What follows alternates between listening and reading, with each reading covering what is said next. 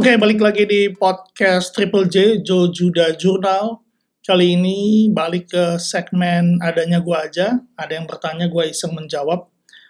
By the way, ini kayaknya nggak nggak begitu catchy ya nama segmennya ya.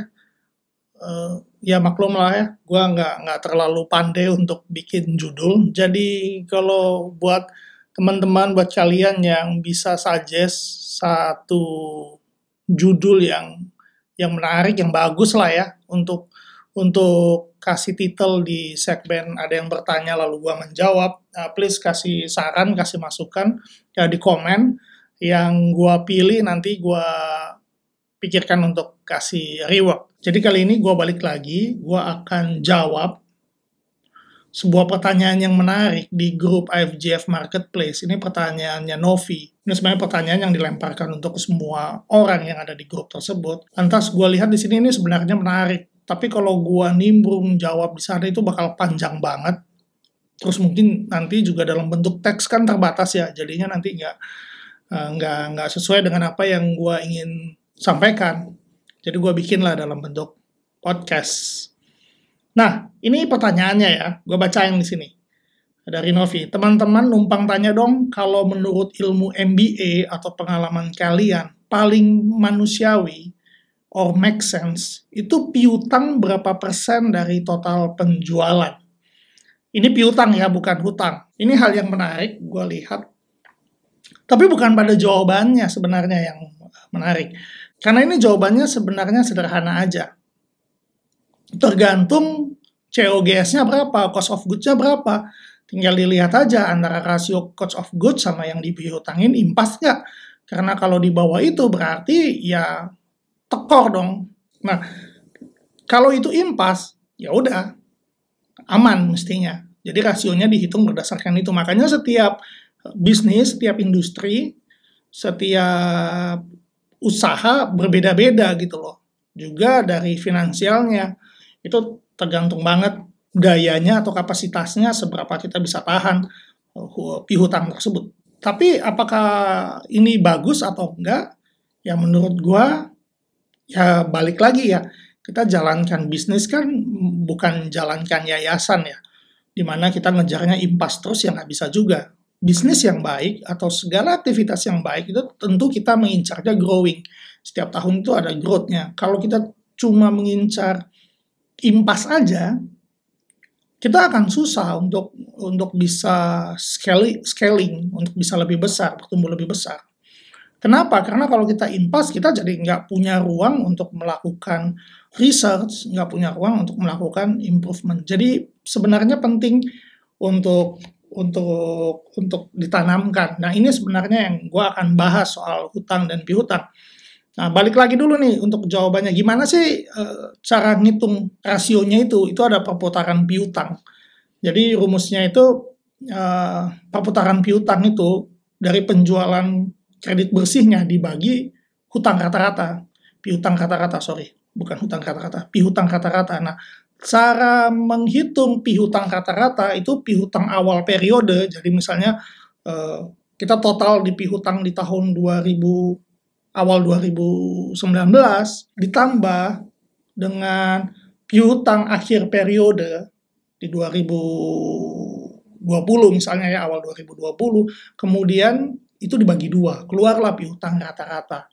Nah nanti dari dari piutang rata-rata tersebut nanti ada penjualan kredit bersihnya jadi total penjualan misalnya sepanjang satu tahun tersebut di 2019 sampai akhir 2019 eh, itu dibagi piutang rata-rata keluarlah angkanya itu semakin tinggi nilai dari perputaran piutang maka itu artinya semakin baik kalau semakin rendah nilai perputaran piutang artinya banyak piutang yang tidak tertagihkan ini kalau berdasarkan berdasarkan rumus tadi itu rasio perputaran piutang usaha.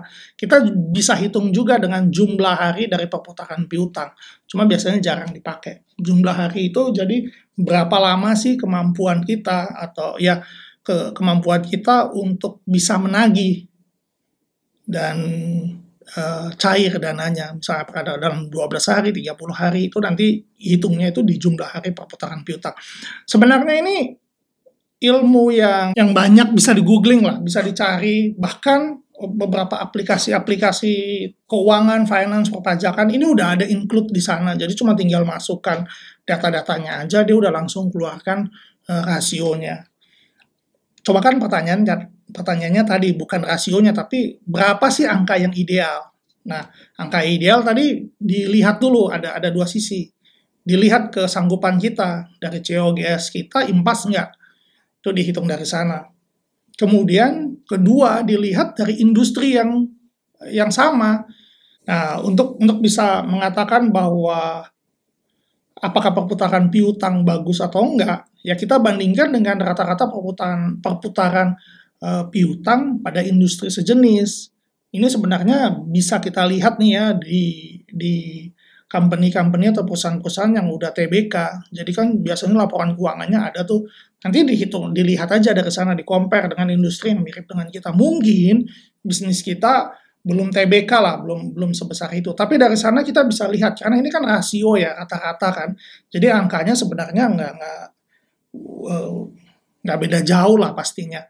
Jadi dari sana bisa lihat oh gue sehat apa enggak. Nah itu jawabannya sederhana kan. Tapi yang menarik adalah begini, yang menarik adalah untuk lebih jauh ya. Apakah apakah yang kita sebut pihutang itu benar pihutang atau tidak? Ini lihatnya dari kacamata hukum. Karena kalau dari sudut pandang yang berbeda, hutang pihutang itu harus ada jaminannya. Lalu ada konsekuensi jika tidak menjalankan. Nah, jaminan ini yang yang dalam perusahaan itu, apalagi ketika termin pembayaran ya, pihutang itu nggak ada jaminan, itu yang membuat akhirnya ini bukan bersifat sebagai harta, bukan bersifat sebagai keuntungan, malah menjadi beban. Jadi tagihan-tagihan yang tidak ter, tertagihkan itu kan sebenarnya beban ya. Apalagi misalnya di sana masih ada modal yang nyangkut. Jadi pihutang tersebut jika berakhirnya pada tunggakan, kita jadinya mengeluarkan waktu lebih banyak nih untuk berusaha nagih. Lebih repot lagi kita jadi mikirin untuk pakai debt collector buat menagih. Nah akhirnya kita nggak fokus pada bisnis kita, kita fokus pada nagihin tagihan-tagihan ini. Ini yang akhirnya bikin uh, fokus kita jadinya uh, ke mana-mana. Jadi yang pertama, kita pikirkan kembali yang kita sebut pihutang ini karena harusnya kalau pihutang yang benar itu menguntungkan kita ya, apalagi ada bunga di sana. Uh, kalau misalnya kita bisa ambil bunga, kalaupun tidak ambil bunga tapi pihutang tersebut itu adalah uh, harta kita gitu loh. Yang harusnya bisa kita konversi sesuai dengan kapan kita inginkan. Nah, kalau ini jadi beban ya ini bukan harta lagi gitu loh. Belum lagi kalau kita malah tadi ya pakai debt collector malah kena kasus hukum lagi, ah, itu lebih panjang lagi. Kita menambah sakit kepala yang nggak perlu semestinya. Yang kedua, ini yang perlu kita lihat juga bahwa setiap kerja sama itu kan sebenarnya dimulai dengan sama-sama punya itikat yang baik. Jadi pasti setiap kerja sama itu maunya win-win solution. Nggak ada yang salah satu aja yang diuntungkan dan salah satu harus uh, rugi atau kurang kurang menguntungkan lah. Jadi pastikan setelah deal dicek kembali uh, bagaimana sih di sini proses pembayarannya atau cara pembayarannya. Karena kan setiap perusahaan itu beda-beda. Berangkat dengan itikat yang baik tadi, perusahaan tersebut mengalami penundaan pembayaran, keterlambatan pembayaran kan pasti ada masalahnya, pasti pasti ada problemnya, ada proses di sana yang harus dilalui sehingga mungkin pembayaran tersebut jadi panjang. Nah, di sini bagaimana kita nih ya sebagai pelaku usaha fokus pada menyelesaikan masalah kan ya tentunya ya. Bukan nggak mau tahu nggak mau tahu aja itu susah juga. Jadi fokus pada menyelesaikan masalah. Di sini kita bisa berkontribusi apa?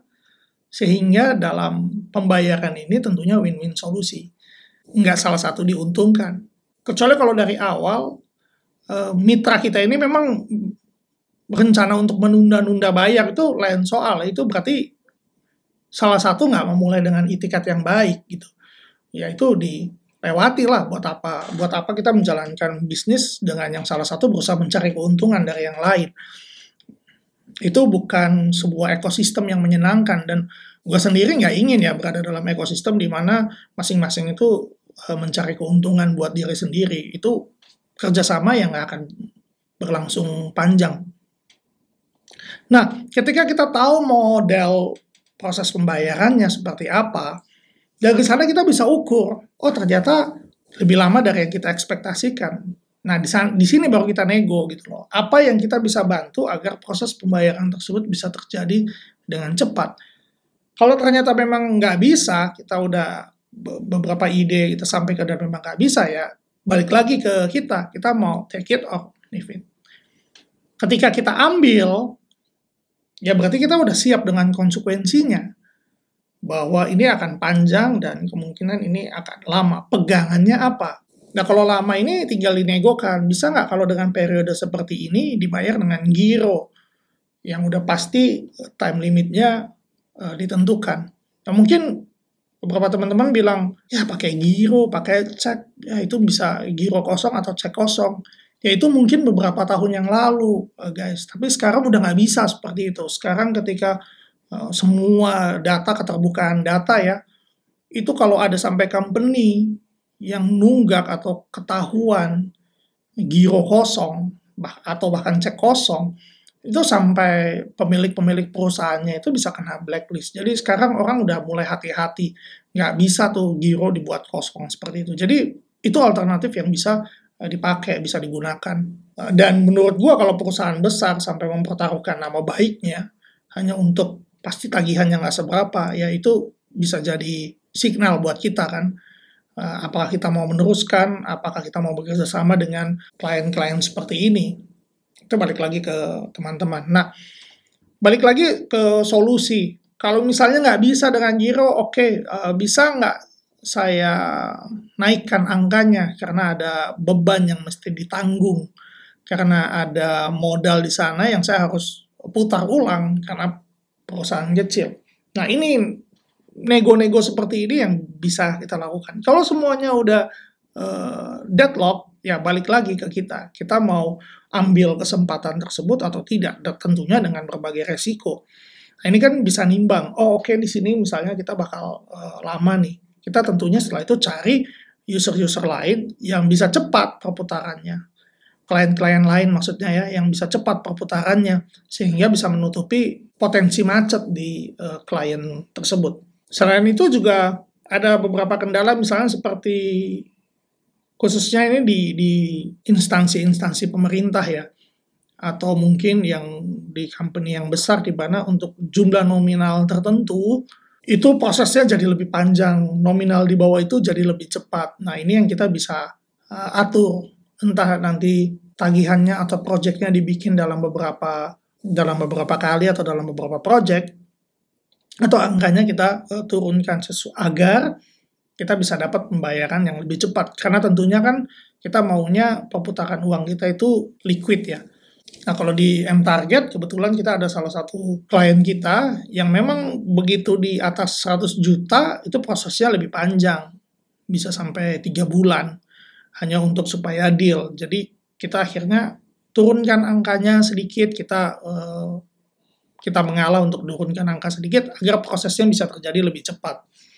Ada beberapa user yang dia memang proses pembayarannya khususnya ketika work from home ya WFA eh, saat ini proses pembayarannya itu jadi lebih panjang. Kita tawarkan alternatif pembayaran lain misalnya dengan kartu kredit corporate. Prosesnya tetap sama tapi billingnya bisa in paralel. Kalau seperti ini kita berusaha mengakomodir kebutuhan-kebutuhan seperti ini, nanti ujung-ujungnya mau nggak mau bisnis modelnya jadi berubah.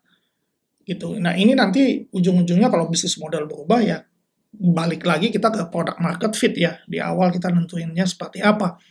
Misalnya aja nih, saat ini yang model bisnis yang sedang digemari itu adalah berlangganan, subscription. E, hampir rata-rata bisnis sekarang pindah ke berlangganan. Berlangganan memang lebih lebih kecil angkanya, tapi lebih sustain. Eh, ini model berlangganan itu sebenarnya konvensional ya. Kita berlangganan koran daripada bayar eceran, mending kita beli yang dalam bentuk langganan 3 bulan, 6 bulan, 12 bulan.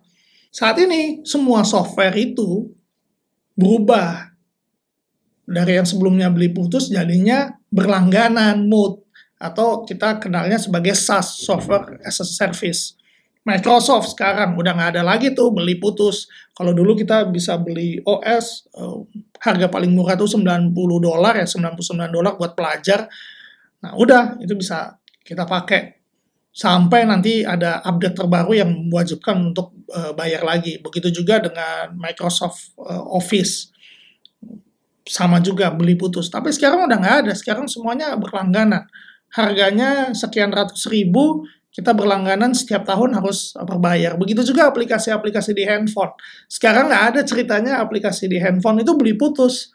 Dulu beli putus harganya 9 dolar, 10 eh, dolar ya, 1 eh, dolar. Sekarang semuanya berlangganan, bahkan berlangganannya bulanan. Bayarnya mungkin lebih murah, 0, sekian sen.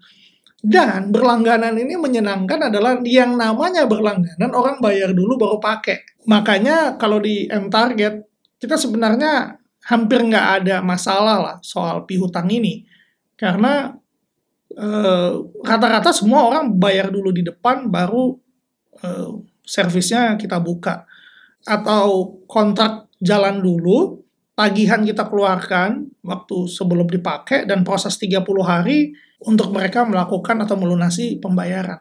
Nah, menyenangkannya adalah begini, kalau bisnis Anda sticky, bisnis Anda itu benar-benar menyelesaikan real problem mereka, mereka kan akan bergantung dengan kita. Jadi ketika uh, mereka nggak melakukan komitmen mereka pembayaran dengan tepat waktu, by system, service akan mati. Dan ini akhirnya yang bikin mereka mau tidak mau disiplin untuk melakukan pembayaran. Nah ini yang bisa dipakai.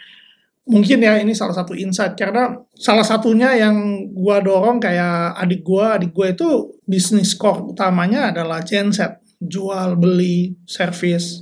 Nah gua bilang bahwa sekarang ini ada loh SaaS Economics namanya ya, dan ini ada bukunya teman-teman bisa eh, cari hampir semua industri itu bisa kok dibuat berlangganan. Itu yang susah memang bisnis modelnya, bagaimana ngubah behavior. Tapi kalau sekali itu terjadi, itu akan sangat menyenangkan. Kita menghilangkan sakit kepala yang nggak perlu, yaitu soal uh, tagihan ini. Nah, balik lagi uh, yang ketiga nih, jika memang harus dibagi pembayarannya dalam beberapa termin atau memang model pembayarannya itu panjang, kita perlu cari testimoni vendor-vendornya mereka dan tanya mengenai pembayarannya seperti apa gitu loh. Kalau vendornya mereka aja mengeluh, wah pembayarannya susah tuh. Ya itu berarti warning buat kita. Atau pembayarannya kadang hati-hati su, suka nggak dibayar. Karena yang seperti ini biasanya cepat, berita informasi seperti ini cepat beredar ke mana-mana. Kalau misalnya ada satu company besar yang bermasalah mengenai pembayaran itu jadi warning buat kita.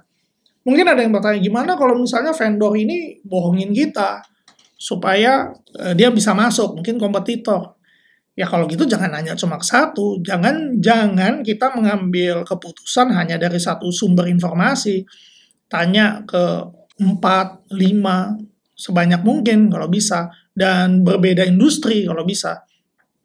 Kalau gue sendiri, kalau misalnya mau kerja sama, gue akan nanya, cek dulu apalagi yang perusahaan-perusahaan besar lalu kabar anginnya punya selentingan uh, bahwa suka atau sering bermasalah dengan pembayaran. Nah, begitu gue nanya ke vendornya langsung, beberapa vendor, lima vendor, dan ternyata jawabannya iya semua, ya lu stop lah, itu sebuah peringatan gitu loh. Kalau lu maju ya lu akan siap dengan resikonya tentunya. Nah gimana kalau lima-limanya ini bohongin lu semua? Pertanyaan gue adalah siapa yang lu pilih sebagai teman? Kenapa lu punya komunitas yang ngebohongin lu semua? E, bisa jadi ya karena mungkin tindakan kita juga seperti itu. Akhirnya kan kita uh, attract what we are gitu loh. Orang-orang yang ngelilingin kita jadi orang-orang yang nggak nggak nggak nggak terbuka gitu loh orang-orang yang yang berusaha menutup nutupin atau malah ngalangin jalan orang. Nah itu yang gue bisa bilang. Nah mungkin lo bilang e, kalau kalau gue nggak ambil kesempatan ini, kalau gue nggak ambil kesempatan ini, udah ditawar murah, terus pembayarannya lama, e, dan kalau gue nggak bisa akomodir, dia nanti akan lari ke kompetitor. Nah Lu mesti cek gini, bahwa pertama keuntungan itu nggak didapat cuma dari omset aja penjualan. Keuntungan itu untung ada juga di bisnis prosesnya, di mana kita bisa melakukan penghematan dan mengurangi piutang-piutang yang macet seperti ini tentunya. Karena di atas kertas lo bisa untung, tapi secara kas bisa kosong. Akhirnya lo lakukan apa? Lo minjem uh, ke bank. Bukan untuk uh, eksponensial pinjaman tersebut, namun untuk jalanin operasional. Nah ini berbahaya nih. Kalau jalanin operasional dari hutang, artinya operasional lu itu ada bunganya. Sedangkan tagihan-tagihan ini udah fix.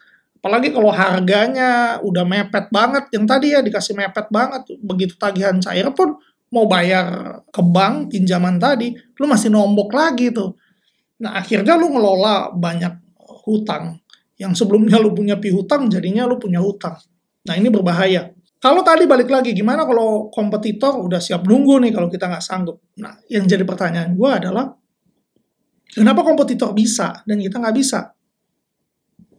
Mungkin karena kompetitor punya resources uh, lebih besar, backup dana lebih besar, sehingga dia nggak masalah muterin klien yang lebih besar, sehingga yang penting dia ngejar aja dulu volumenya. Ini kan game-game yang kita mau mainkan atau tidak.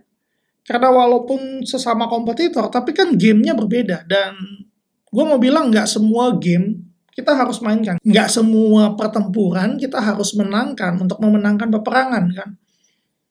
Jadi memang ada kalanya ya udah kalau memang harus loss di situ ya loss lah di situ, uh, lepas di situ, cari yang memang bisa berkontribusi terhadap bisnis kita. Tapi kena kalau misalnya seandainya kompetitor begitu dia masuk dia dibayar tepat waktu, nah itu yang kita harus cari tahu, kita harus pelajari kenapa ya. Kalau di gua bisa delay, kalau di kompetitor dia uh, tepat waktu. Pertama bisa jadi karena kesalahan kita sendiri. Kita punya opsi untuk termin yang lebar. Di gua ada beberapa user yang minta terminnya panjang gitu setengah tahun. Kita bilang nggak bisa. Akhirnya ya udah, karena di kita memang nggak memungkinkan untuk lakukan hal tersebut. Dia pindah ke vendor lain, tapi nggak lama dia balik lagi.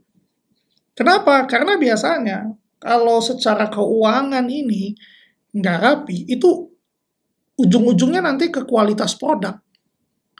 Jadi gue nggak takut kalau ada kompetitor lain yang bisa kasih harga lebih murah karena kita udah tahu modalnya itu berapa. Lu kasih di bawah itu ya pasti yang akan kalah itu di servis itu yang akhirnya menjadi user experience yang menjadi yang menjadi pengalaman buat mereka ketika berbisnis dengan M target bahwa ketika berbisnis dengan M target pembayaran lu itu mesti clean loh karena kalau pembayaran lu nggak clean, service lu akan bisa diputus waktu-waktu. Nah, ini lu bargaining seperti ini lu bisa dapatkan kalau sampai bisnis lu itu memang sticky. Memang kalau nggak ada produk lu, perusahaan tersebut nggak berjalan misalnya sampai seperti itu. Ya mau nggak mau dia harus prioritaskan. Nah, kita harus lihat tuh bisnis kita bisnis kita ini yang sticky atau enggak. Nah, jadi kita nanya kembali nih ke diri kita, bisnis kita ini, barang produk kita ini seberapa signifikan enggak sih dalam dalam perusahaan? Kalau dia sangat eh, kalau dia tidak signifikan, berarti seberapa mudah sih produk kita bisa dia dapatkan? Nah, tentunya ada timbal balik ya. Kalau misalnya ternyata produk kita mudah untuk digantikan, produk kita nggak mu, mudah untuk uh, pembayarannya, pasti kita akan kalah dalam berkompetisi dengan kompetitor kita. Bagaimana sih untuk kita punya ekosistem yang sehat di dalam bisnis kita ya? Kita mulai pilih-pilih vendor dan pilih-pilih user kita. Ada yang bilang, oh berarti kita uh, fire, pecat customer kita. Ya itu bahasa uh, kasarnya. Tapi memang kita harus pilih-pilih. Karena siapa yang kita pilih untuk berhubungan atau connect dengan kita itu menentukan siapa diri kita, benar nggak? Bisnis seperti apa sih yang kita jalankan? Kalau misalnya yang kita kumpulkan adalah klien-klien yang modelnya nunggak semua yang nggak sesuai dengan komitmen berarti itu kan kita yang salah kita yang ngumpulin mereka dalam dalam bisnis kita. Akhirnya bisnis kita nggak bisa bertahan dengan uh, baik gitu loh nggak bisa berjalan dengan panjang. Nah ini yang sebenarnya hal yang menarik dari pertanyaan ini. Sebelum kita ngomongin soal berapa rasio tapi kita balik dulu ngomongin soal konsep hutang dan pihutang tersebut. Bahwa sebenarnya walaupun namanya pihutang ya, karena di akuntansi ya memang dari dulu itu namanya pihutang. Tapi ini bisa jadi problem loh. Ini justru punya potensi masalah kalau kita uh, membiarkan ini terus-menerus dan kita anggap bahwa pihutang itu adalah bagian dari aset atau harta. Itu yang akan uh, repot. Karena di balik pihutang selalu ada problem yang menunggu kita, yaitu ketika macet. Oke, uh, itu aja. Nov semoga bisa menjawab kalau ada pertanyaan lain atau ada yang masih kurang atau ngeganjel, bisa langsung tinggalkan di komen atau bisa langsung uh, chat dengan gua. Oke, sekian sampai di sini podcast Triple J. Sampai ketemu di podcast yang lain. See you.